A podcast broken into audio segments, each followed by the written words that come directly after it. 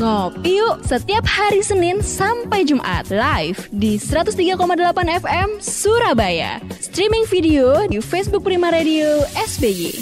Ngopi, ngobrol inspiratif pagi.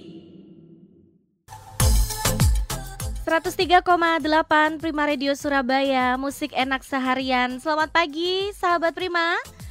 Di hari ini berjumpa bersama saya Ira Nathanael di Ngopi Ngobrol Inspiratif Pagi dan kita juga dirilai oleh beberapa radio di seluruh Nusantara. Saya mau sapa dulu.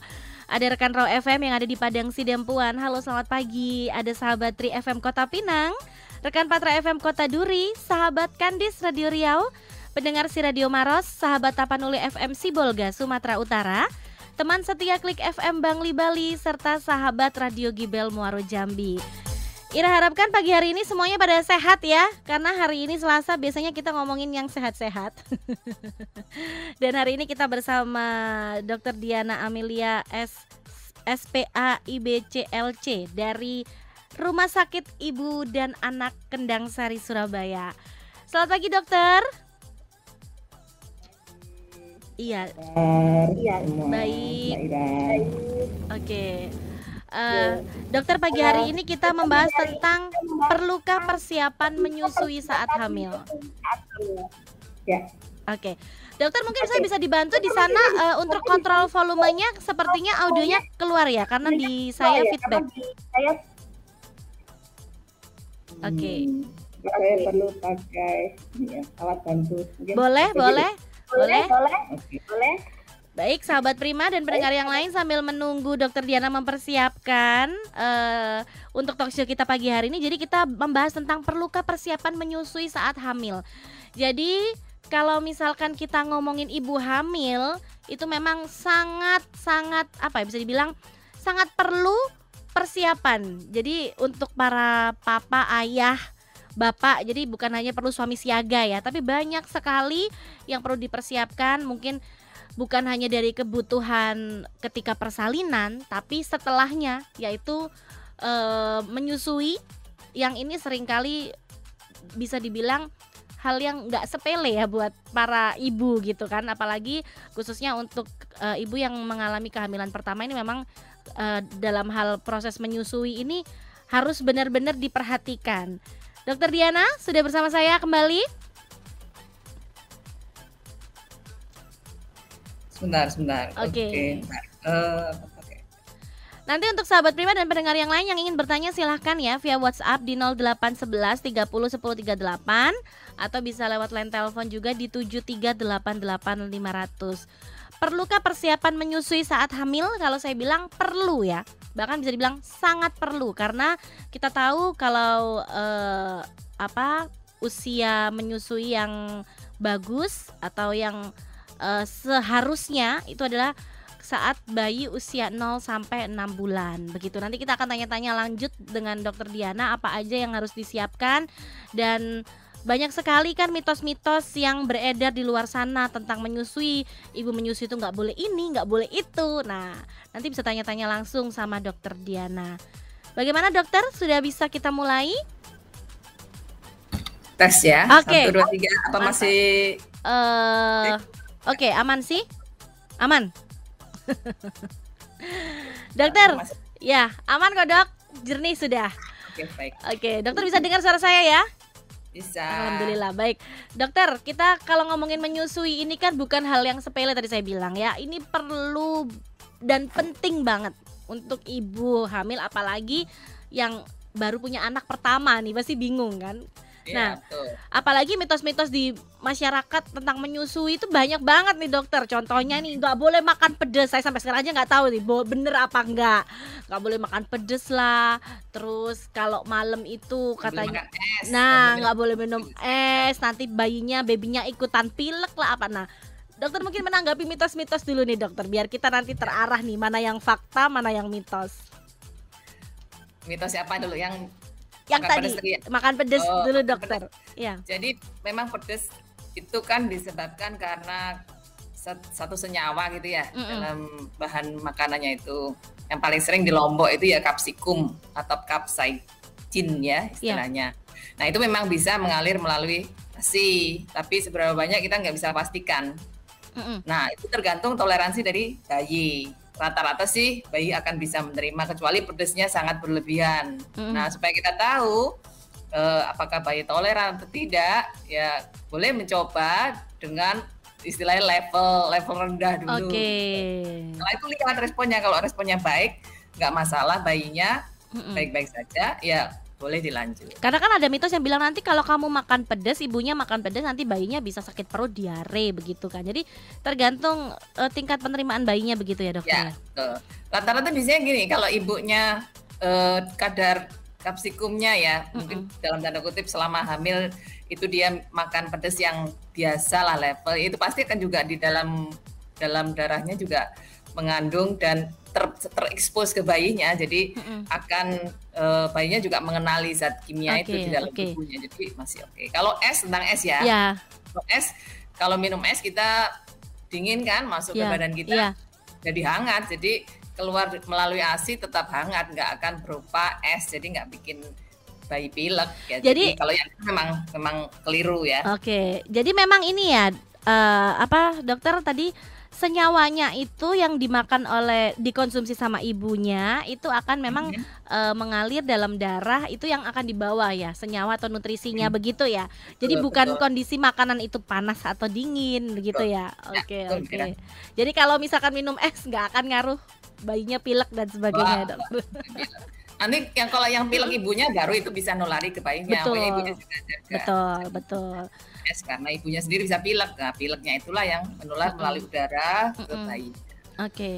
Dan termasuk ketika ada begini dokter, misalkan anaknya nih sakit, akhirnya ya. ibunya ya. yang minum obat atau konsumsi jamu biasanya kan supaya ya. anaknya itu sembuh. Berarti itu itu apakah benar juga nih dokter? Disarankan uh, juga atau nah, bagaimana? Jamu, jamu obat obat tradisional itu uh, harus dipastikan dulu ya mm -mm. apakah obat-obatnya itu aman kandungannya apa saja mm -mm. ya kandungan apa saja yang jelas ya seperti misalnya kalau uh, obat yang kita biasa buat di rumah misalnya kunir itu secara alami baik karena mm -hmm. dalam makanan kita pun kita mengandung kunir, asam, jahe mm -hmm. itu masih wajar, masih normal. Nah kita nggak tahu jamu-jamu yang di luar itu apakah kandungannya uh, secara alami atau mm-hmm. bahan kimia juga sehat atau tidak kita nggak bisa memastikan jadi lebih baik dipastikan dulu isinya apa kemudian di cross check ke dokter atau mm-hmm. konselor laktasi apakah mm-hmm. ini baik atau boleh dikonsumsi baru uh, boleh atau tidak nah memang bisa mengalir melalui ASI tapi bukan kalau bayi sakit kemudian ibunya minum obat bayinya jadi mendapat melalui mm-hmm. ibu enggak enggak sebaiknya enggak hmm. bayi sakit ya bayinya yang diperiksakan bayinya kemudian diobati langsung bayinya gitu. Oke. Lalu ada juga nih uh, dokter di masyarakat malah bilang uh, kalau memang uh, bayi kita itu konsumsi ASI, maka uh, kebanyakan berat badannya memang naik ya, Dok. Apakah memang betul? Berpengaruh pada berat badan bayi dibanding uh. mereka yang konsumsi susu formula atau sufor? Hmm, bervariasi, semua selalu ada spektrum. Mm -hmm. uh, jadi berat badan itu ada rentang yang normal ya, artinya uh, nggak boleh kalau dia di sisi yang bawah, nggak boleh di sisi yang sangat tinggi. Jadi okay. ada rentang yang kita sebut uh, minus 2 SD atau standar deviasi sampai plus 2 SD. Itu rentang yang normal. Jadi sama seperti orang dewasa sebetulnya ada yang tipe mm -hmm. yang kalau uh, makan gampang naik berat badannya, ada yang okay. makan banyak tetap kurus saja itu ada okay, juga. Okay. Jadi eh, masing-masing bayi juga berbeda-beda.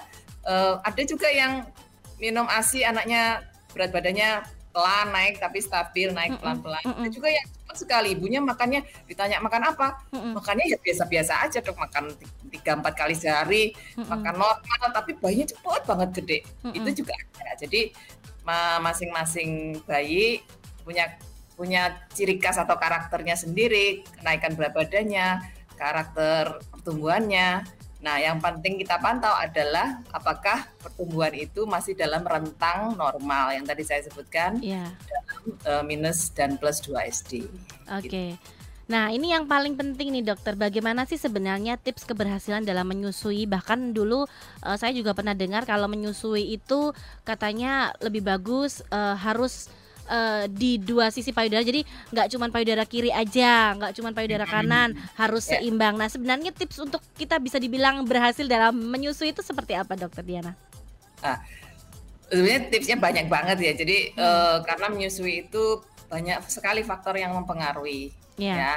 Uh, nah, mumpung mumpung ini pas kita masuk mungkin ke materi juga ya saya, mm -hmm. saya ingin menyampaikan satu terima kasih kepada Prima Radio dan uh, jejaringnya ya yang telah um, bisa mengangkat materi atau tema ini karena uh, meskipun tema ini tema menyusui hmm. yang memang menyusui itu kan kerjaannya ibu ya yeah. kerjanya bapak yang menyusui nggak ada nenek menyusui nggak ada ya dan tetangga juga nggak menyusui jadi ibu yang menyusui tapi uh, bukan berarti diskusi kita ini hanya didengerin oleh ibu ibu-ibu saja gitu yeah. ibu-ibu yang hamil ya karena kita spesifik hamil hmm. tapi juga saya ajak dan saya harapkan semua yang terlibat uh, dengan ibu hamil ya hmm. termasuk Mbak Ira termasuk karena Mbak Ira sebagai anu ya public artinya public speaker ya hmm. uh, yang bisa memotivasi ibu-ibu dan keluarganya untuk bisa mendukung ASI itu kita diskusi di sini yang kita harapkan mendukung semua ya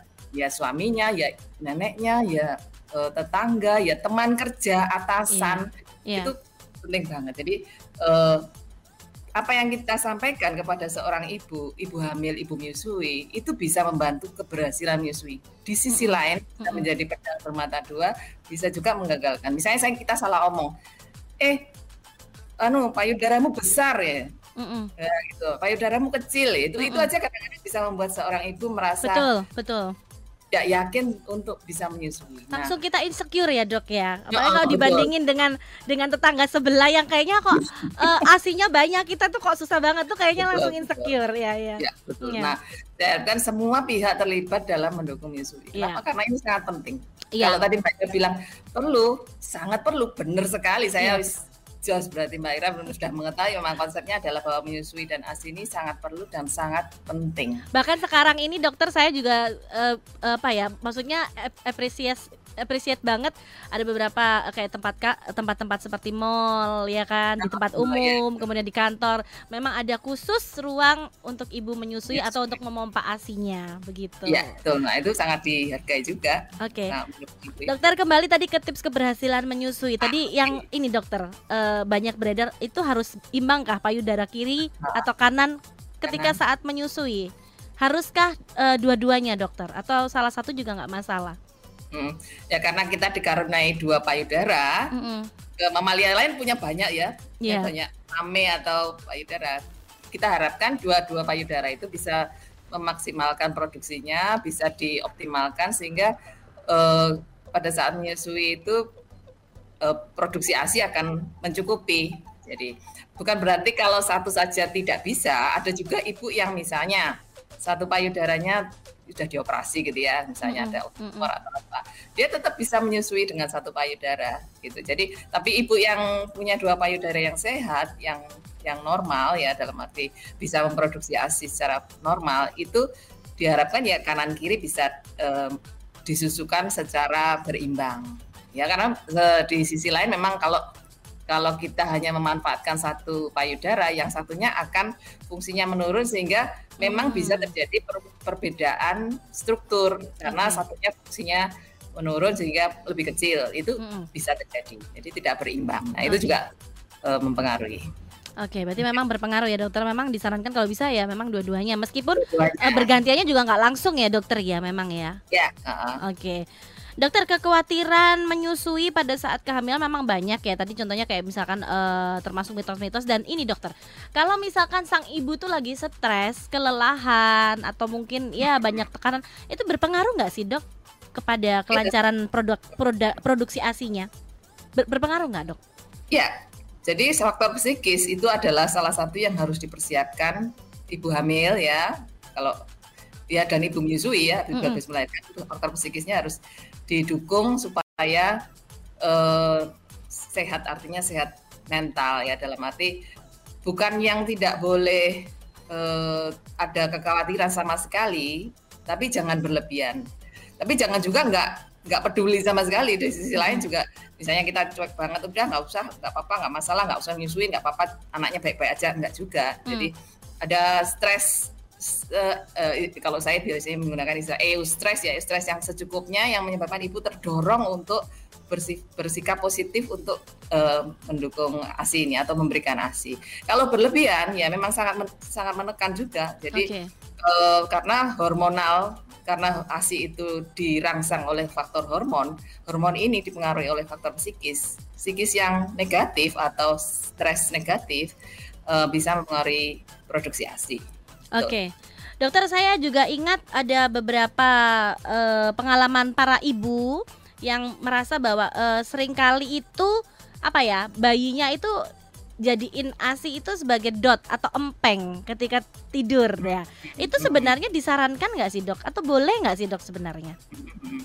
Jadi menyusui itu ada fungsi non nutritif ya. Jadi okay. kalau ibu merasa mm -hmm.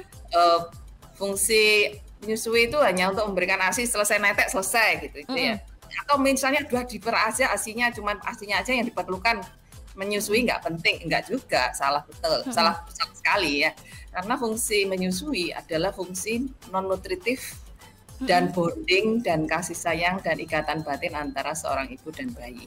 Sekarang non nutritifnya, non nutritifnya dari sisi fisiologis fisiologis bayi adalah pada saat ngenyut itu hmm. dia akan merangsang rahang perkembangan otot-otot pipi, rahang gigi geligi akan untuk hmm. terbentuknya sempurna lebih baik daripada bayi yang minum dengan cara metode lain, salah satunya dot misalnya. Okay. Itu sudah dibuktikan secara penelitian bahwa memang lebih baik ya. Fungsi non nutritif lain adalah fase oral, di mana memang kita tahu bahwa secara psikologis satu satu tahun pertama bayi itu akan suka sekali uh, bermain dengan mulutnya, masuk yeah. antara iya. mulut. Yeah. Kemudian, nah itu akan uh, terpenuhi dengan menyusu, menetai. Ya, jadi uh, fungsi non nutritif ini misalnya bayi ngempeng yang tadi kata Mbak Ira tadi ya mm -hmm. uh, di payudara itu akan memenuhi kebutuhan fase oralnya yang akan berpengaruh kepada kematangan kepribadian atau psikologisnya bayi. Okay. Jadi jangan dihindari. Kalau bayi ingin nyusu karena satu lapar yeah, ya, yeah. dua tidak nyaman karena kesakitan misalnya mm -hmm. uh, lagi demam habis imunisasi kemudian mm -hmm. deket ibunya skin to skin supaya mm -hmm. dia nyaman ya kasihlah bayinya itu. Jadi fungsi-fungsi non nutritif itu juga sangat penting untuk memenuhi kebutuhan. Jadi lengkap banget kalau menyusui itu. Ya, ya nutrisi dapat, non nutritif dapat, fungsi kasih sayang juga dapat. Jadi gitu. boleh ya, Dok ya. Intinya boleh, boleh ya. Boleh. Oke, sangat boleh. Baik. Dokter ini saya ke WhatsApp dulu karena ada udah ada pertanyaan nih, Dokter. Dari Ibu Kartiningsi ya. Uh, apakah benar dok daun katuk itu bisa meningkatkan ASI? Nah, uh, jika benar, apakah lebih baik daun katuk asli yang bisa kita makan dengan telur atau daun katuk bikinan pabrik? Apakah ada tips-tips dari dokter untuk meningkatkan uh, produksi ASI? Kan bisa irit tanpa harus beli susu formula begitu. Dokter Diana mungkin bisa langsung dijawab. Daun katuk itu uh, secara research atau penelitian yeah. memang belum banyak, tapi memang sudah secara tradisional, secara budaya hmm. itu diakui bisa membantu meningkatkan produksi ASI. Eh, bukan utama ya, jadi gini, uh, utama adalah interaksi antara bayi dan ibu. Karena hmm. memang payudara uh, itu akan memproduksi ASI yang cukup apabila ada yang minta, ada yang membutuhkan. Jadi hmm. si pelaku utama atau pelaku utama bukan uh, aktor utamanya adalah hmm. bayinya bayi yang menyusu ya daun katuk pelancar asi lain daun kelor yang sekarang juga lagi ini ya itu adalah suplemen atau dukungan ya tambahan ya mm -hmm. boleh makan daun katuk hmm, yang uh, cukup ya boleh alami boleh dari dalam bentuk tablet atau sudah dibentuk dalam serbuk dalam yeah. bentuk pabrik yeah, itu tidak yeah. ada masalah asalkan benar yakin bahwa itu sudah disetujui oleh POM gitu ya jadi uh, sebagai uh, support support saja, bukan utama ya. Jadi kenapa? Karena kadang-kadang uh, kita mengandalkan sesuatu yang bukan utama ini sebagai yang utama. Yeah. Jadi makan daun katuk banyak hmm. uh, tapi nggak menetei. Nah, itu ya agak susah. Hmm. Uh, yang utama adalah meneteinya dulu. Nah, supportnya itu daun katuknya. Oke. Okay. Berarti memang uh, sebenarnya untuk produksi ASI masing-masing ibu tuh sebenarnya cukup nggak sih dok? Atau memang ada beberapa sebagian orang tuh yang susah untuk produksi ASINya tuh nggak nggak istilahnya apalagi nih kalau misalkan ibu, aduh anak saya ini laki nih minumnya hmm. banyak banget, kayaknya produksinya itu nggak mencukupi. Apa memang seperti itu dokter? Sebagian besar ibu akan mampu memproduksi ASI dengan cukup dengan manajemen yang benar ya. Memang hanya sedikit misalnya ada kasus hipoplasia kelenjar payudara. Nah itu sangat jarang. Mungkin tidak sampai satu persen dari ibu-ibu. Saya malah hampir tidak pernah ketemu. Yang memang agak rendah produksinya itu bisa disiasati. Memang eh, dengan asi booster, dengan makan minum yang banyak itu akan bisa membantu untuk meningkatkan produksi. Ada ibu yang tadi saya bilang kok makannya biasa-biasa, asinya juga banyak yeah. sehingga beratnya bayinya cepat besar itu yeah. juga ada. Jadi yeah. Iya. uh, dan eh, masing-masing uh, ibu punya kapasitas. Uh, kalau misalnya saya boleh cerita sedikit tentang kapasitas tadi ya, mm-hmm. ada yang low capacity, ada yang medium capacity, ada yang high capacity. Misalnya ibu tadi uh, tadi Mbak Ira bilang ada yang merah Mm-mm. kok rahasinya yeah, tetangga yeah. itu banyak ya. Yeah, Kalau yeah. itu karena memang kapasitas masing-masing ibu berbeda. Okay. Jadi jangan jangan rendah diri kalau misalnya mm. perahnya saya segini, perah tetangga segini, Mm-mm. hanya uh, frekuensinya yang mungkin perlu ditambah. Okay. Jadi seorang ibu bisa memproduksi dalam satu kali 24 jam produksi, produksi yang sama dengan seorang ibu yang high capacity maupun low capacity. Jadi okay. dengan frekuensi yang mungkin berbeda. Kalau misalnya high capacity dia memompa mungkin lima kali, enam kali. Betul, kalau betul. yang Betul. dia bisa mau 10 kali 12 kali ya, itu ya. akan total jenderal secara 24 jam akan memproduksi volume yang sama. Sebenarnya volumenya sama, cuman frekuensinya aja yang berbeda begitu ya Dokter Diana. Baik Dokter kita nanti perlu mengenali itu tadi. Iya kapasitas di mana gitu. Oke, nanti kita akan masuk segmen kedua dokter, ditahan dulu ya. untuk beberapa pertanyaan juga sudah masuk. Sahabat Prima, silahkan untuk Anda yang ingin bertanya via WhatsApp di 0811 30 10 38 atau line telepon di 7388500 di Ngopi Ngobrol Inspiratif Pagi. Ngopi yuk setiap hari Senin sampai Jumat live di 103,8 FM Surabaya. Streaming video di Facebook Prima Radio SBY.